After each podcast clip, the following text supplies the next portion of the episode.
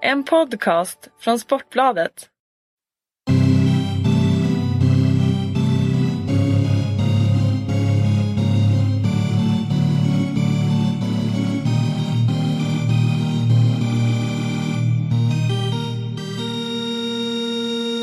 Ja, då är det ny vecka och nya utmaningar och det är dags för eh, Hockeystudion att podda lite. Eh, jag sitter här som vanligt, Thomas Ros och eh, min parhäst sedan, vad är det nu, fyra år tillbaka, Johan Garpenlöv är med också. Välkommen!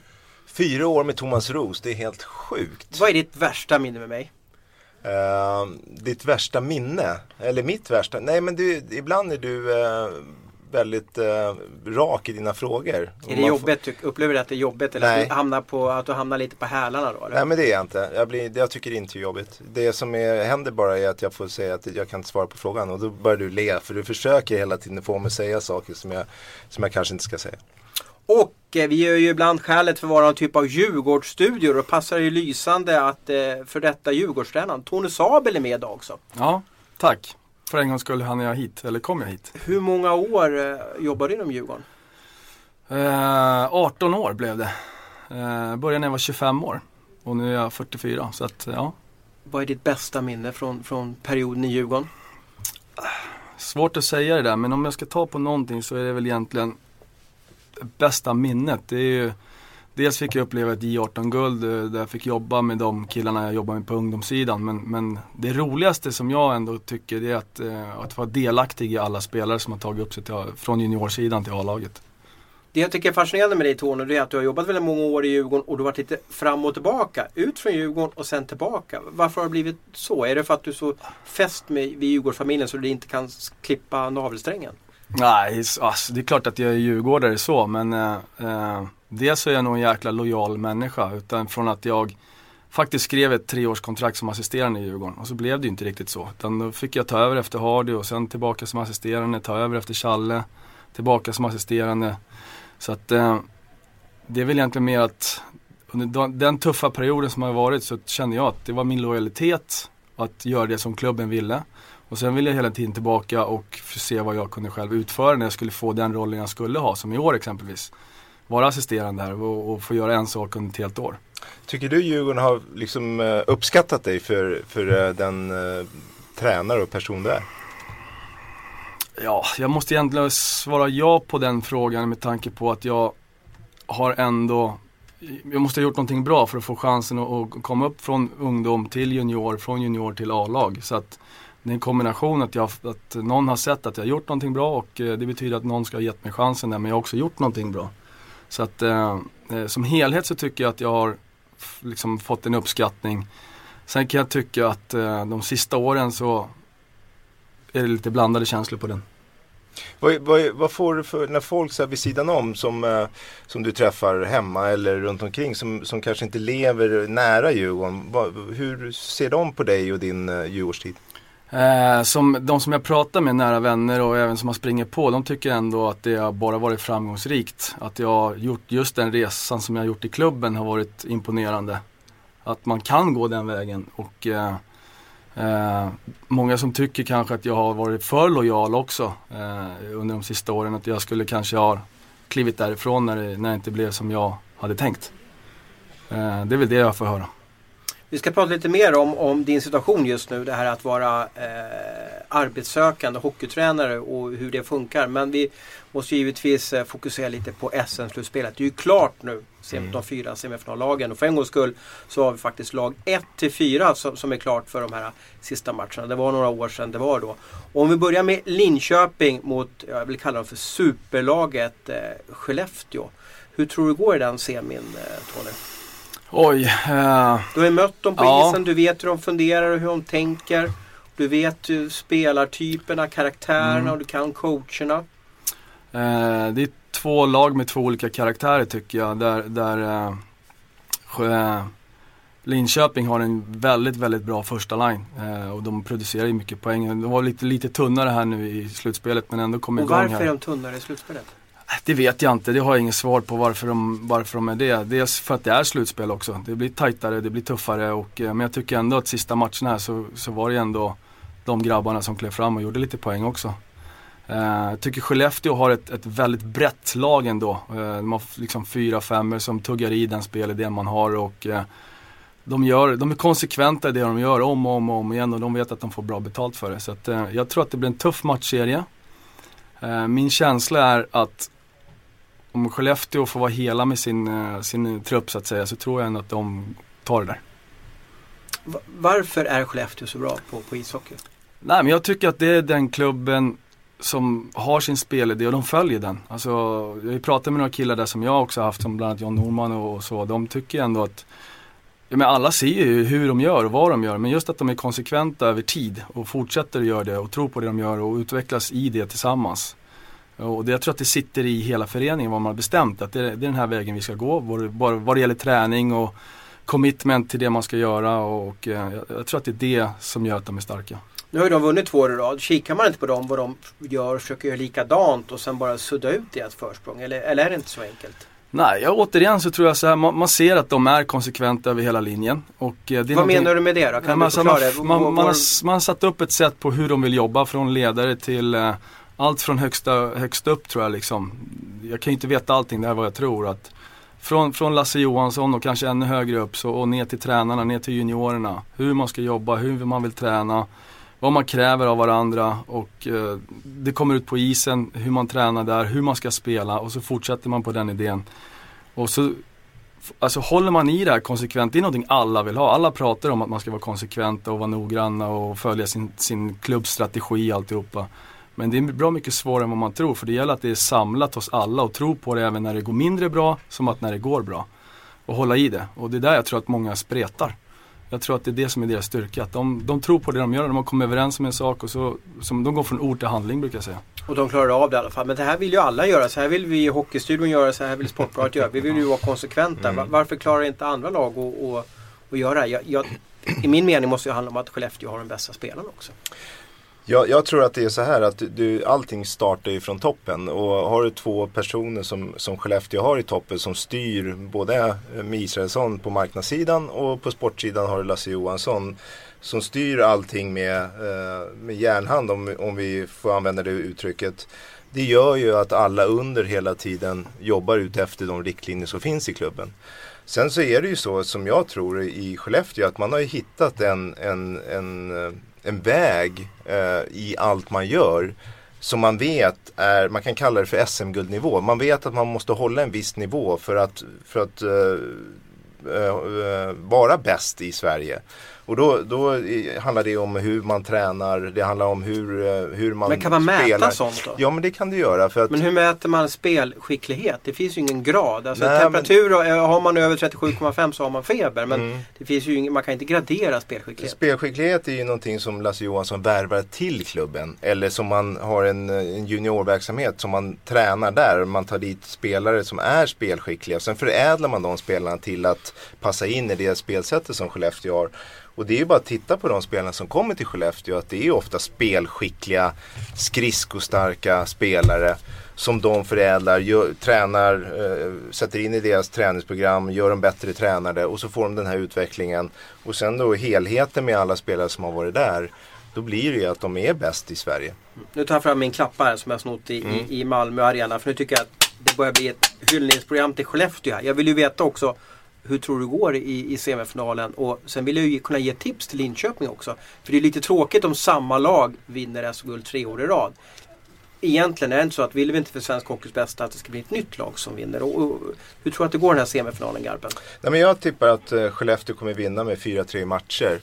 4-3 uh, alltså? Ja, 4-3. Det kommer bli en tight matchserie. Uh, men, men om man tittar, alltså det är varje år när man tittar på Skellefteå och deras special teams eller statistiken för Skellefteå så är de i topp i allt. De har bästa powerplay, bästa boxplay, bästa teckningsprocenten. De är effektivast, eh, de är bäst, eller väl, mest välcoachade i laget. Och det kommer göra skillnaden i den här matchen för jag tycker inte Linköping har bredden på sitt spelarmaterial för att straffa eh, Skellefteå. För att störa Skellefteå måste man sätta press på dem högt upp i banan. Våga göra det, flytta upp alla fem spelare. Och det handlar inte om att man ska åka tok smälla Skellefteå-spelarna utan att man vågar sätta press högt upp i banan för att störa dem. Men har Linköping det laget att kunna göra det? Jag tror att de har det laget under, eh, ett visst antal matcher men inte en bästa sju. Därför tror jag Skellefteå vinner sjunde avgörande. Tony, eh, vad sa du till dina Djurgårdsspelare inför mötena med, med Skellefteå? Nej, In på men- försvar, inga utvisningar och så siktar vi på att Max förlorar med två mål. Eller vad, vad? Nej, nej faktiskt inte. Utan det vi pratade väldigt mycket om det är precis det som Johan säger här att eh, du måste ligga på dem. Du måste ta bort tid och plats för dem med alla dina fem spelare. Du kan inte ha backarna som ligger två, tre meter ifrån deras forwards. Deras, eh, utan du måste ligga på dem hela tiden. Däremot så märkte vi att så fort vi tappade den typen av spel eller vi låg för långt ifrån eller man gjorde ett dåligt byte. Då är de så pass skickliga och snabba så att de utnyttjade.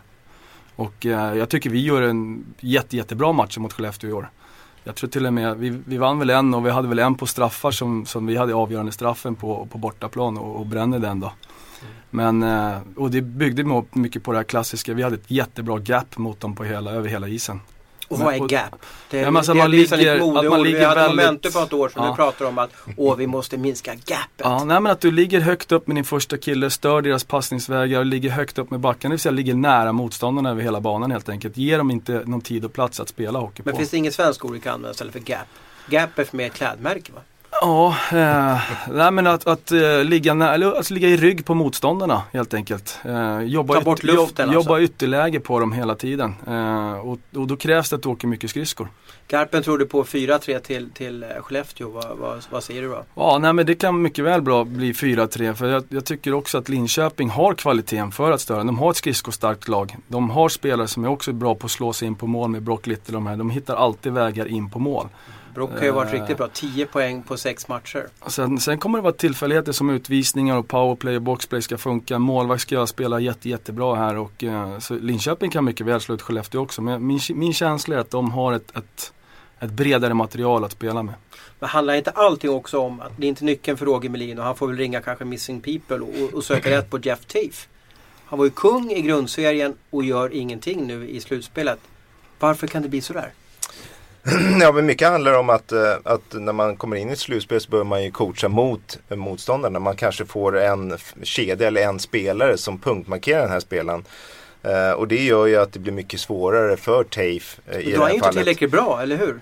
Ja, det som man kan tycka är att han borde vara bättre i spelet 5 mot 4. Att han ska vara en större faktor där. Och där tycker jag att han inte har varit. Uh, där har han uh, varit lite nonchalant tycker jag. Eller om, om tempot och intensiteten i matcherna har varit lite för högt för honom. För jag, han är inte så uh, intensiv i sin spelstil. Utan han, han flyter runt lite mer. Och det har visat sig tycker jag att han inte riktigt hänger med fullt ut. För att skaka, loss, skaka sig loss från försvarare.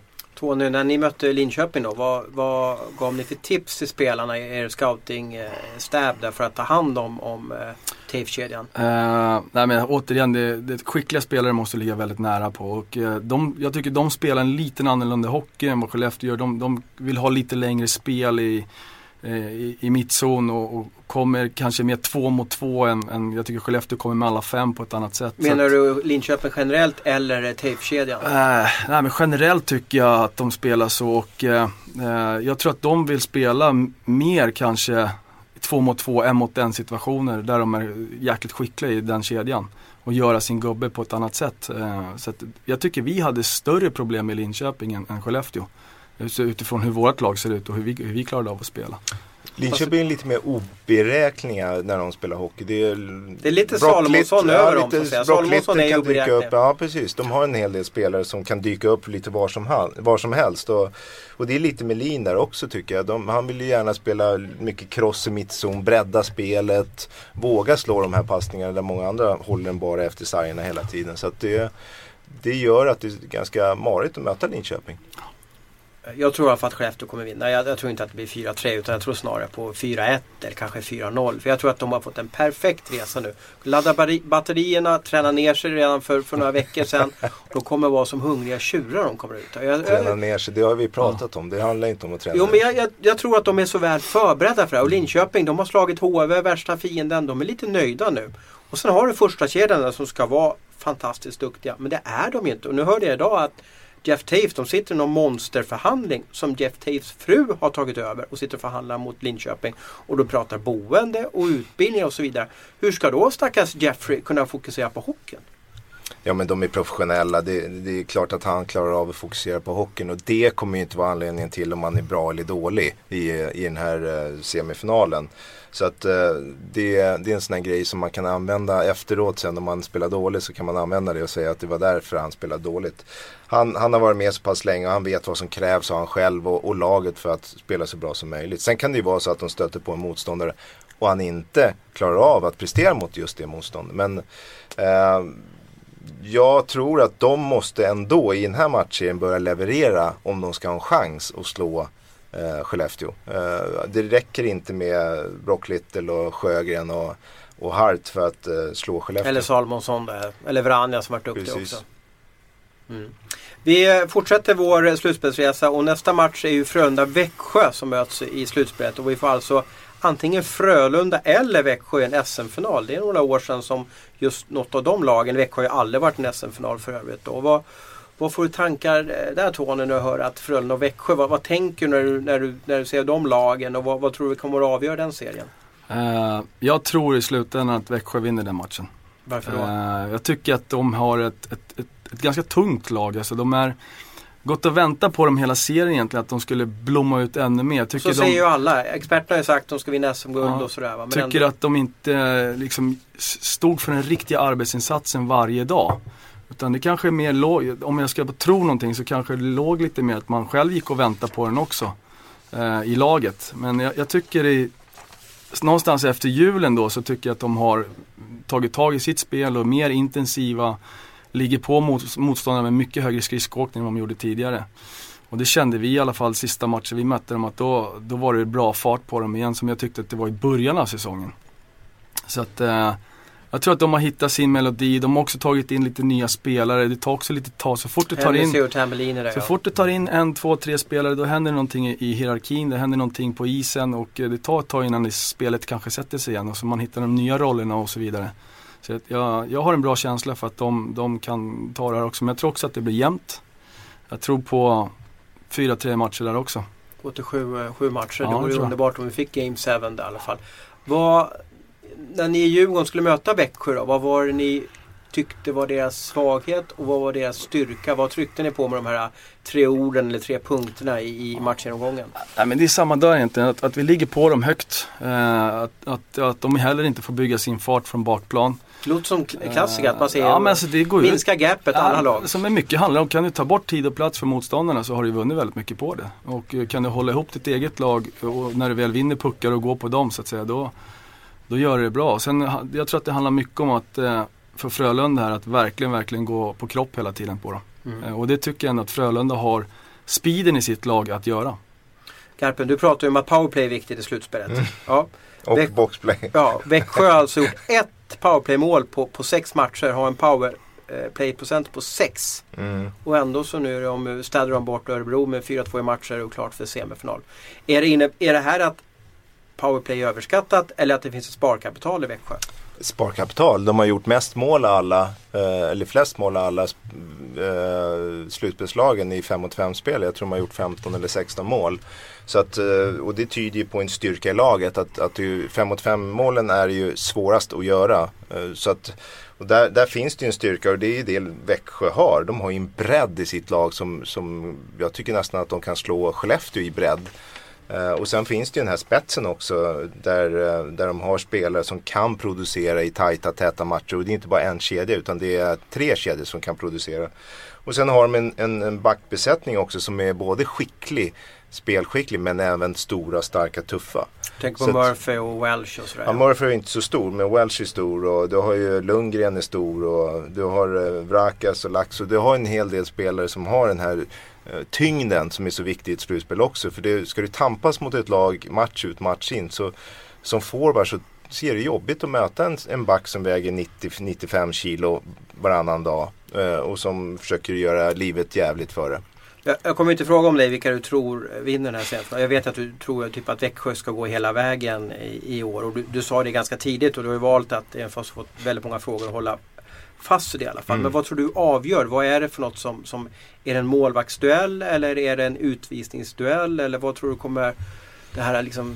I en final? du? Nej, i semifinalen, Frölunda-Växjö.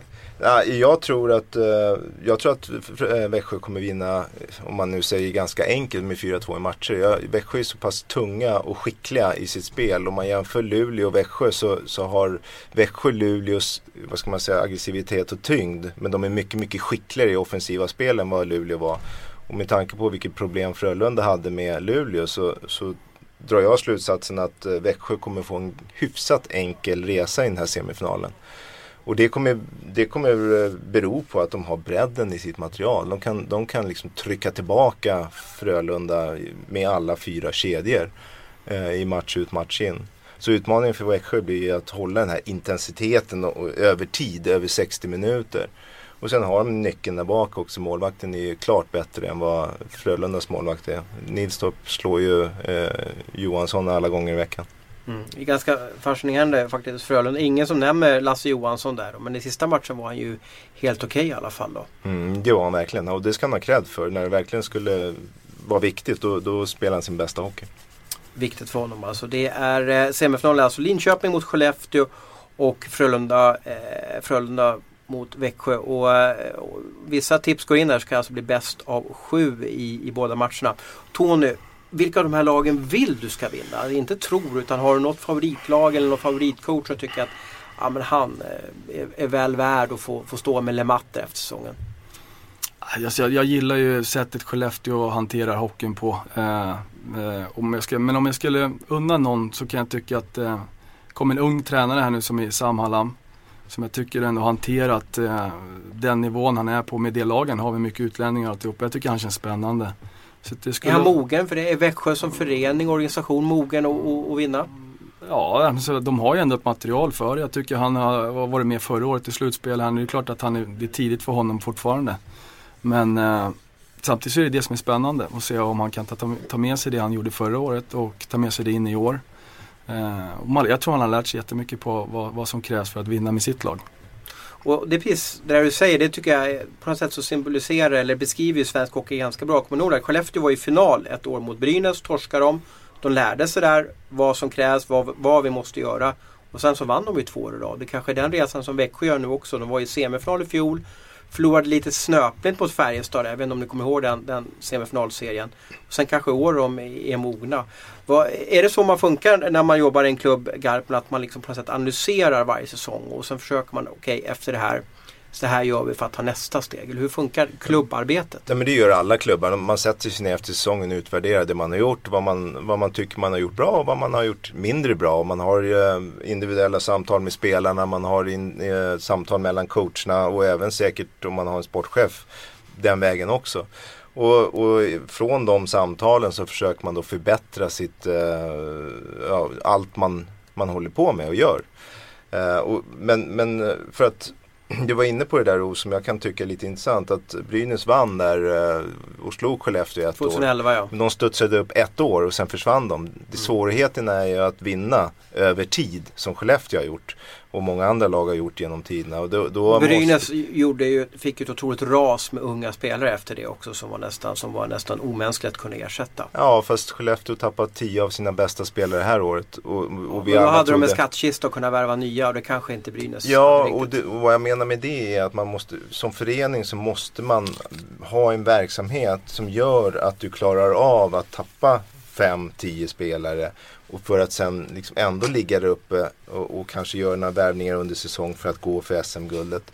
Få den stabiliteten, det tar tid. Och det är precis det som, eh, som jag kan tycka Skellefteå har gjort så bra. Att man har jobbat långsiktigt, man har jobbat både på isen och vid sidan om isen. Som gör att de kommer vara den här maktfaktorn i svensk hockey flera år till. Mm. Det om det och, och, om vår hockeypodd ska liksom summera lite slutspelet så tror vi att Skellefteå går vidare efter sju matcher och att Växjö går vidare kanske i sex eller eh, sju matcher. Då. Det blir alltså en SM-final mellan Skellefteå och Växjö. Intressant i, i då fall i alla fall. Vi eh, flyttar oss vidare och ska prata om silly season. Och vi pratar lite silly season när det handlar om tränarna. Alla vet ju hur det funkar i silly season spelare. Att, att, att spelare skriver på ganska tidigt för nya klubbar till nästa säsong. Men hur fungerar silly bland tränarna Tony? Nu, har ju, nu är du, du är arbetslös och du är arbetssökande. Hur, har du en agent? Har man agent som tränare?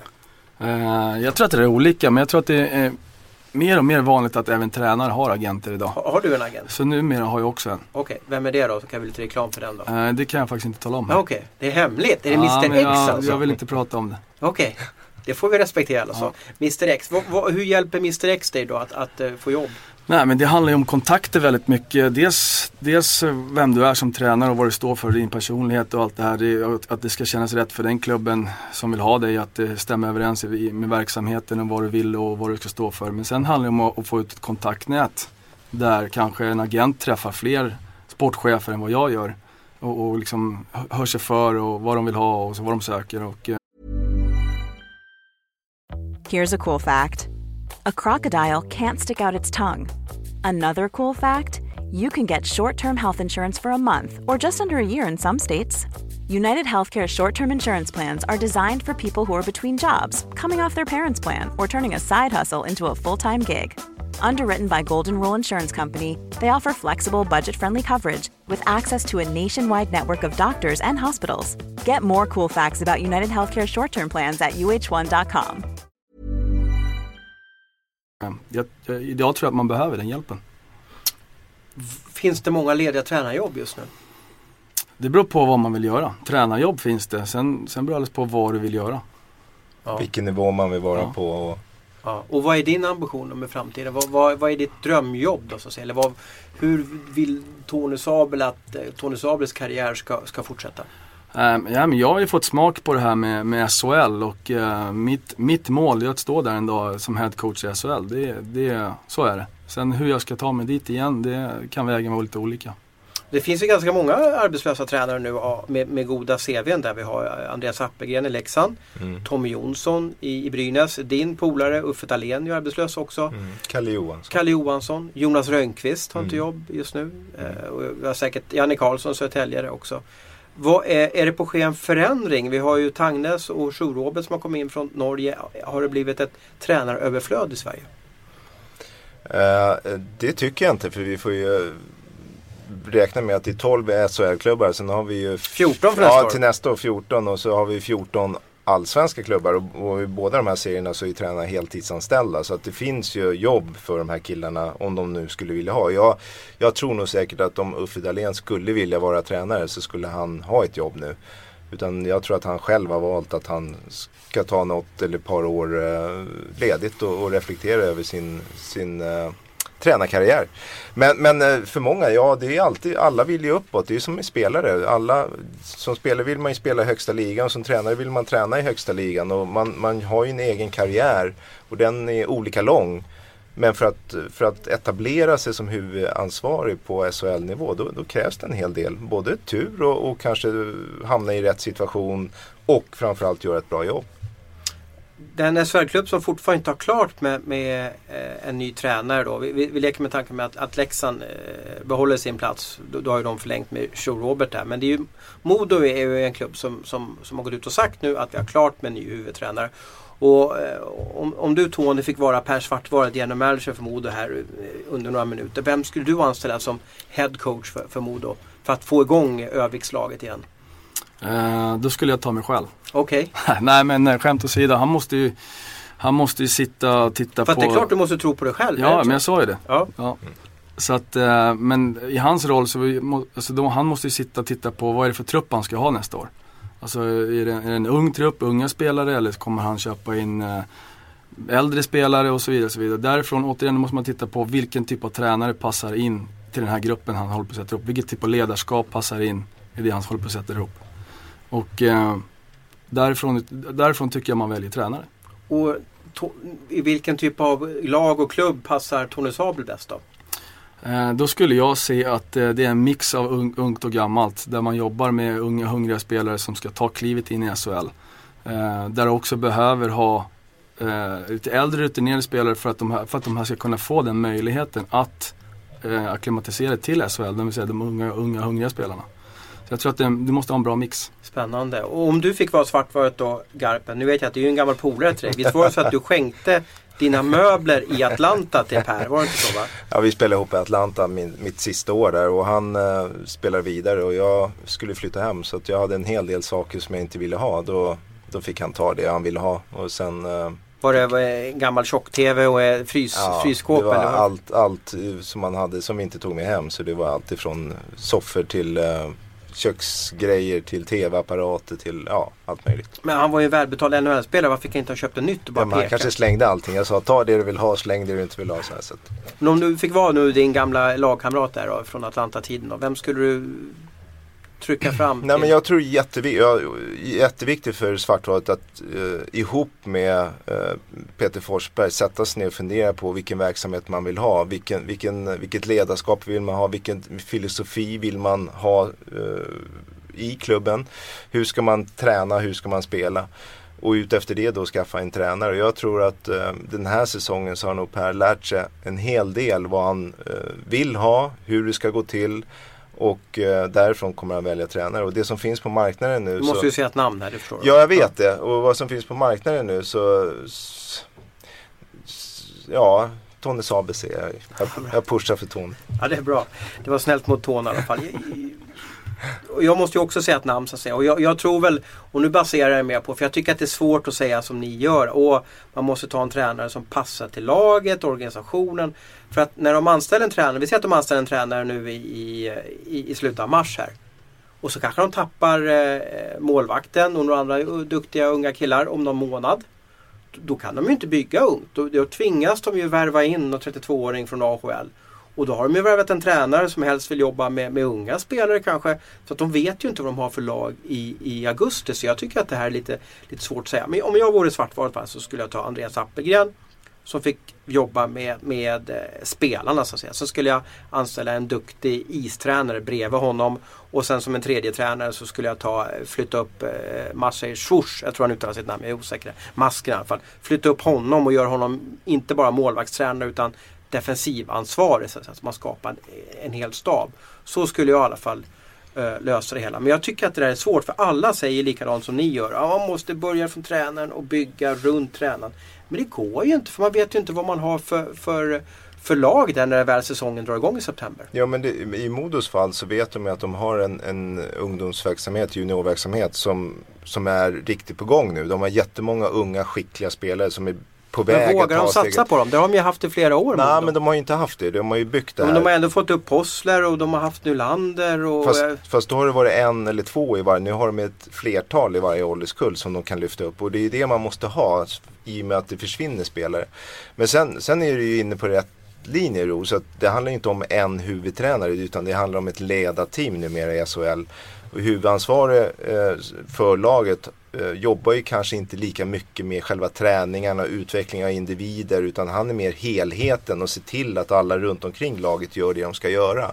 Och då kan Appelgren vara kanske, nu kan inte jag Appelgren, men Appelgren kan vara ett bra namn för Modo om han får in en rätt assisterande tränare och målvaktstränare och se till att de jobbar ut efter de ramar som finns. Och där tror jag eh, Svartvadet är mera noggrann nu att sätta ihop ett ledarteam som fyller hans kravbild på hur Modo ska spela och träna. Tror du Tony att du är aktuell att bli ny modotränare? Har du fått något samtal eller kan du avslöja någonting här? Nej det är jag inte. det är inte det. det är inte du jag. kommer inte ta över Modo Nej det kommer jag inte göra. Har du varit aktuell och fått ett nej eller har du tackat nej eller hur, hur har historiken Jag sett har ut? nog aldrig varit aktuell för det. Jag har inte pratat med dem. Hur känns det då?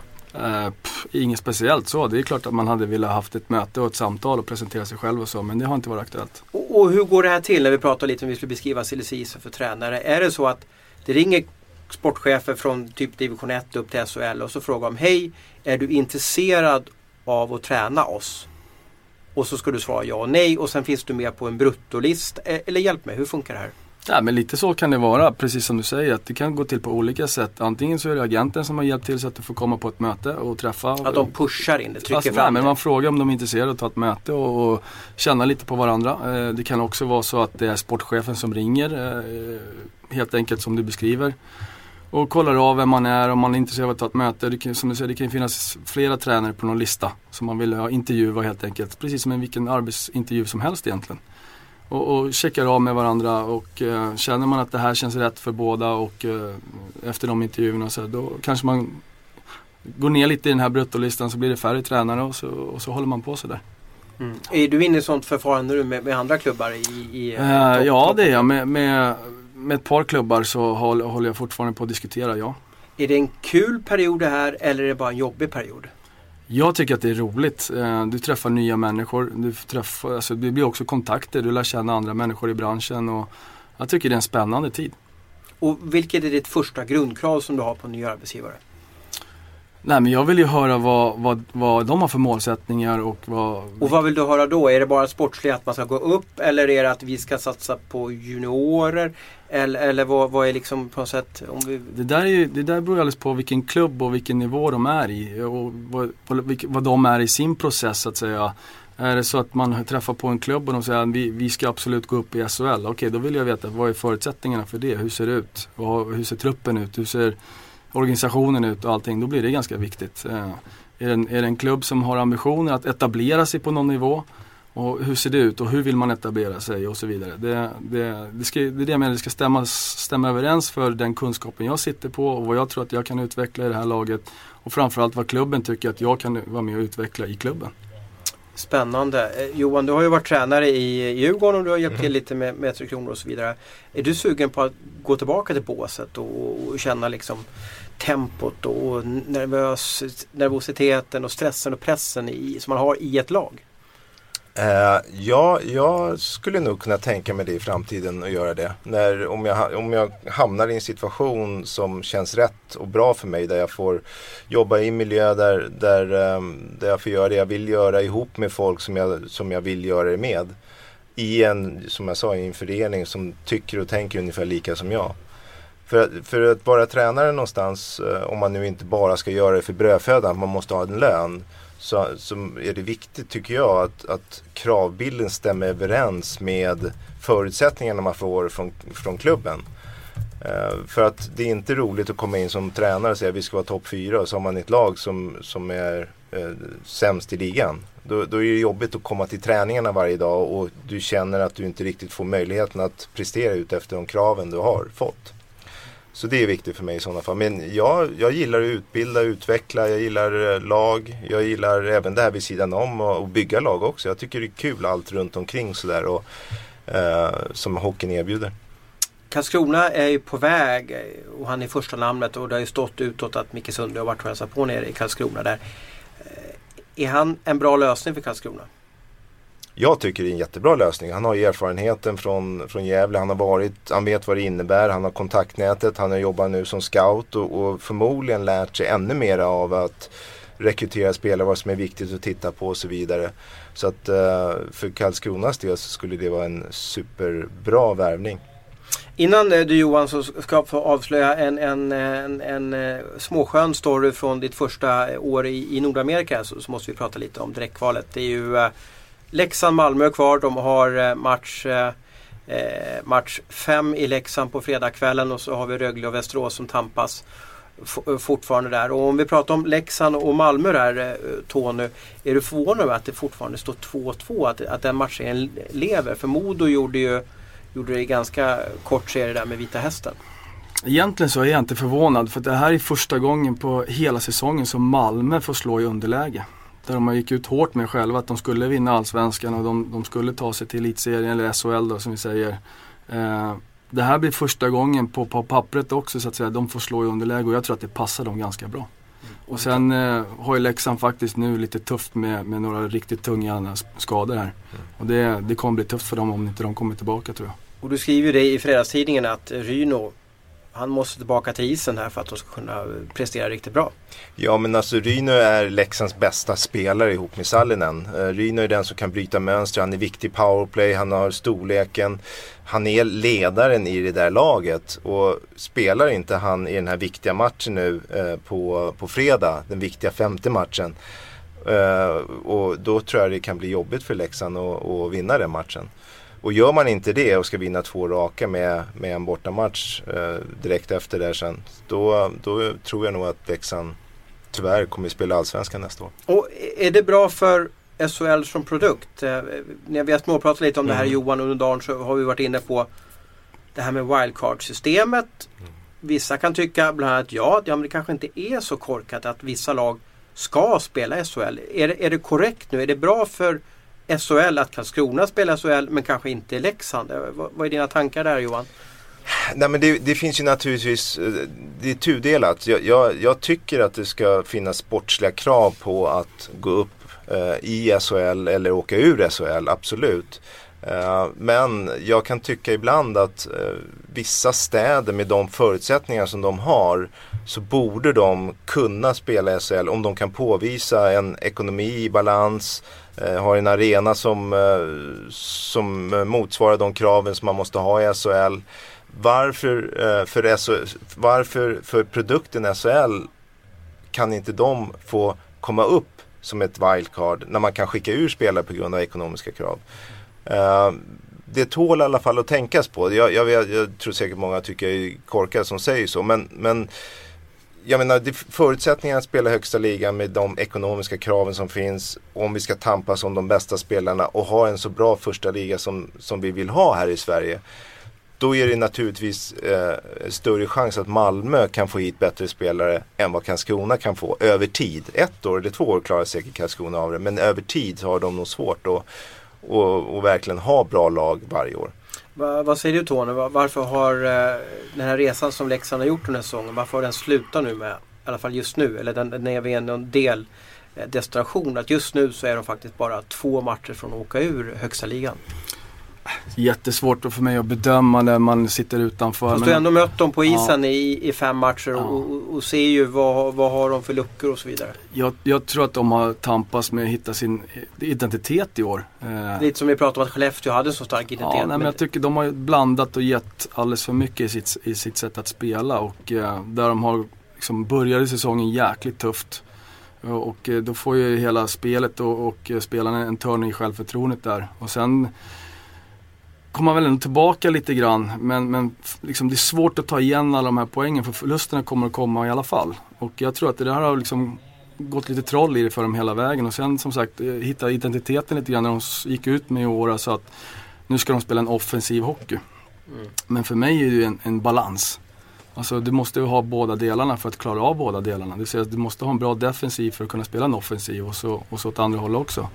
Så att, eh, nu vet ju inte jag hur de har lagt upp det och tränat och så vidare. Men, men min känsla är att eh, ska du, oavsett hur du ska spela så är det balansen i laget som är det viktiga.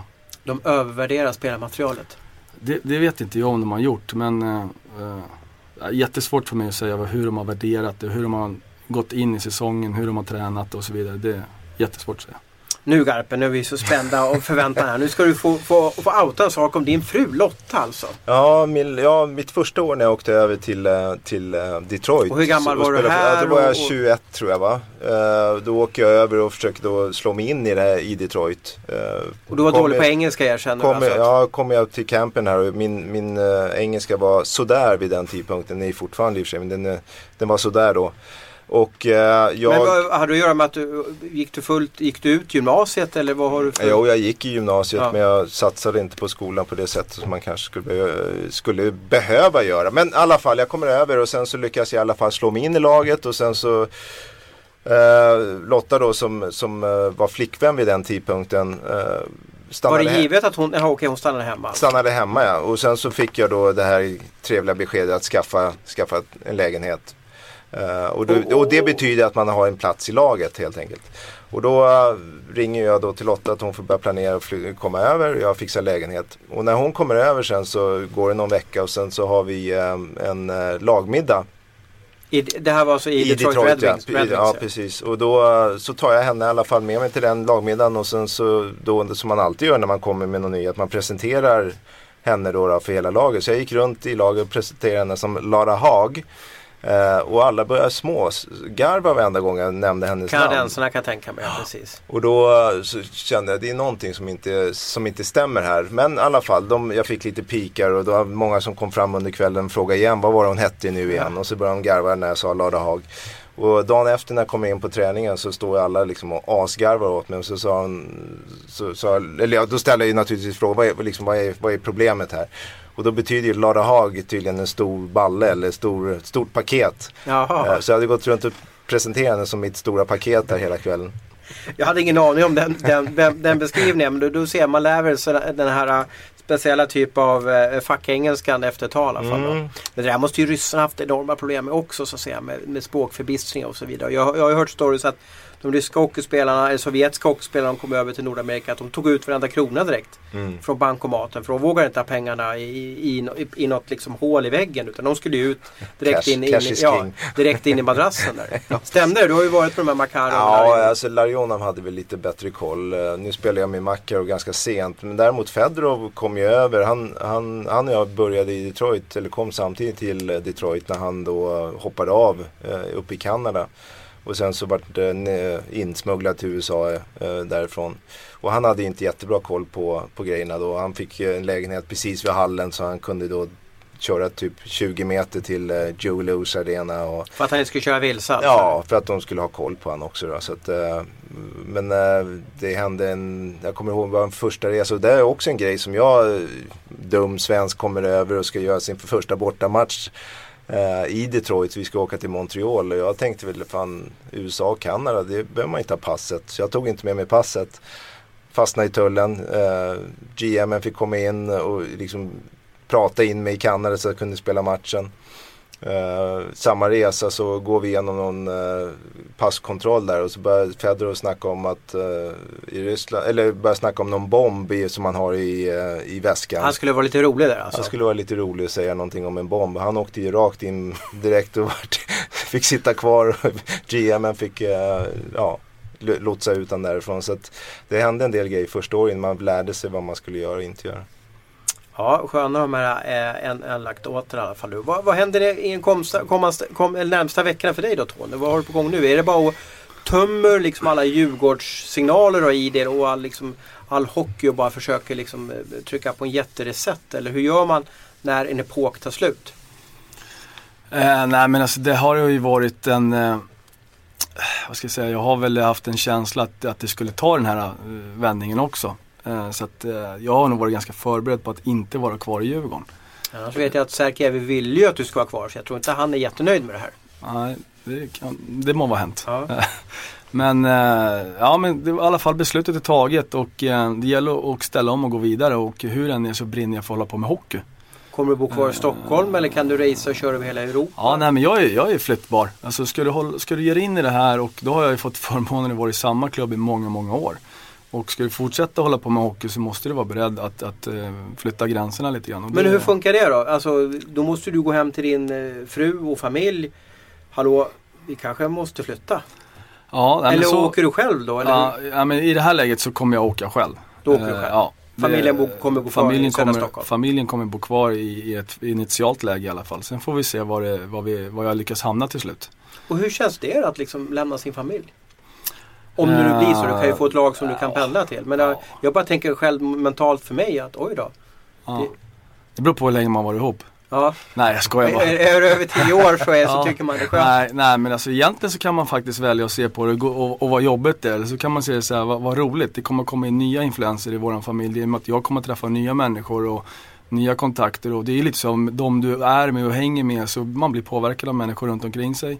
Eh, socialt och alltihopa. Så att eh, det kommer Sen, vara du har ju inga småbarn längre så du behöver ju inte vara där hela tiden. Nej, jag har två tjejer som är 13 och 15 och det är fullt med idrott där och, och eh, eh, så att, eh, nej men idag är det så lätt att, att ta sig till varandra också med flyg och, och eh, tåg och bil och vad det nu än är. Så att det där känns inte som några konstigheter.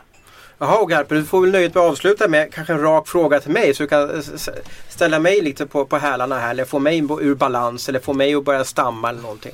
Det, det får man ju sällan Ros för du, antingen så svarar du inte eller så, eller Eller så så, trycker har, eller på stopp på stopp på, ja. på den här. Men, att det eh, vart ingenting. Men jag tycker det är lite intressant. Du har ju varit i den här eh, världen som, som pressgubbe här nu och följt hockeyn under så många år. Jag har ställt några frågor hur det är. Men eh, när, du, när du har en konflikt med en tränare, hur gör du då för att lösa den? Det är en jättebra fråga och det, det där har jag nog löst på olika sätt genom åren. Jag kommer ihåg att Mats Valtin i Djurgården för många, många år sedan 00 kanske, 01 eller någonting, jag vet inte exakt vilka år. Gav mig en sån jäkla urskällning på, när, på Bosön vet jag, i, framför hela Djurgårdslaget där. För då hade jag skrivit en artikel där, där, att- där Djurgårdsspelarna, eller Djurgården har tackat nej till NHL-killen, att NHL-killen inte fick träna med, med Djurgården under sommaren för att de hade så många NHL-killar. Och då tyckte han att det var jättemärkligt att jag skrev om det här för det fanns ju inget intresse i det. Jag tyckte det fanns intresse och då stod jag bara och tog emot och, och svalde ungefär och kände mig som en idiot så att säga. Idag så eh, om jag märker att det finns en konflikt så söker jag upp tränaren eller spelaren och pratar med, med, med han eller, eller hon så att säga. Och då brukar man alltid reda ut i alla fall. Eh, sen tror väl jag på raka rör att eh, fan, är det någon som har problem med någonting, ja men snacka om det. Så, så kan man också förklara varför man skrev någonting eller hur man skrev det. Och sen idag, det går ju bara att skicka ett sms med artikeln till, till tränaren eller till spelaren. Hör du, det här skriver jag om, eh, det publiceras om en timme. Du har chans nu att tycka till. Mm. Då, då blir det ju inte den där chocken när kanske en text kommer ut i alla fall. Brukar du göra det? Skicka texter innan? Uh, ibland. Mm. Uh, sen är det ju vissa grejer där om man sen ska avslöja en spelarövergång. Om jag skickar en text till den spelaren då. Han eller hon kommer ju aldrig erkänna det, spelarövergången ändå. Det handlar ju så. Det är ju det är, ju, det är själva spelet i spelet. att eh, Spelaren eller tränaren måste ju ljuga där. Mm. Vi skrev ju om att du skulle lämna Djurgården för någon månad sedan vet jag. Uh, och då spelade ju Djurgården ovetande om det fast de visste det också så att säga. Liksom då. Så det, är ju, det är ju ett spel man håller på med i alla fall. Men, men det där är ju också ett sätt för att väcka känslor. Men, men din fråga handlar väl också om att hur man mår som människa mm. kanske. När man, när man tvingas ha konflikter. Och det, det är ju inte roligt. Är det inte, va? Så är det. va. Så då måste man ju förstå att det är ju Sportbladet avlönar mig. De ger mig pengar för att vara kvällstidningsjournalist. Mm. Vill jag inte vara det ja men då kan jag bara jobba på en PR-avdelning eller söka jobb på, på, på en SHL-klubb eller något sånt där. Men jag väljer det här yrket för det jag tycker är världens roligaste jobb. Mm. Det var ett bra svar va? Ja, bra svar. Och du fick mig inte på hälarna heller va? Nej, men du är sällan jag får det. Ja. Nu avrundar vi och sen så eh, går vi ut och njuter, inte mm. av eh, marssommaren men, men eh, trevliga hockeymatcher som, som återstår här. Tack för att ni kom. Tack själv. Tack, tack.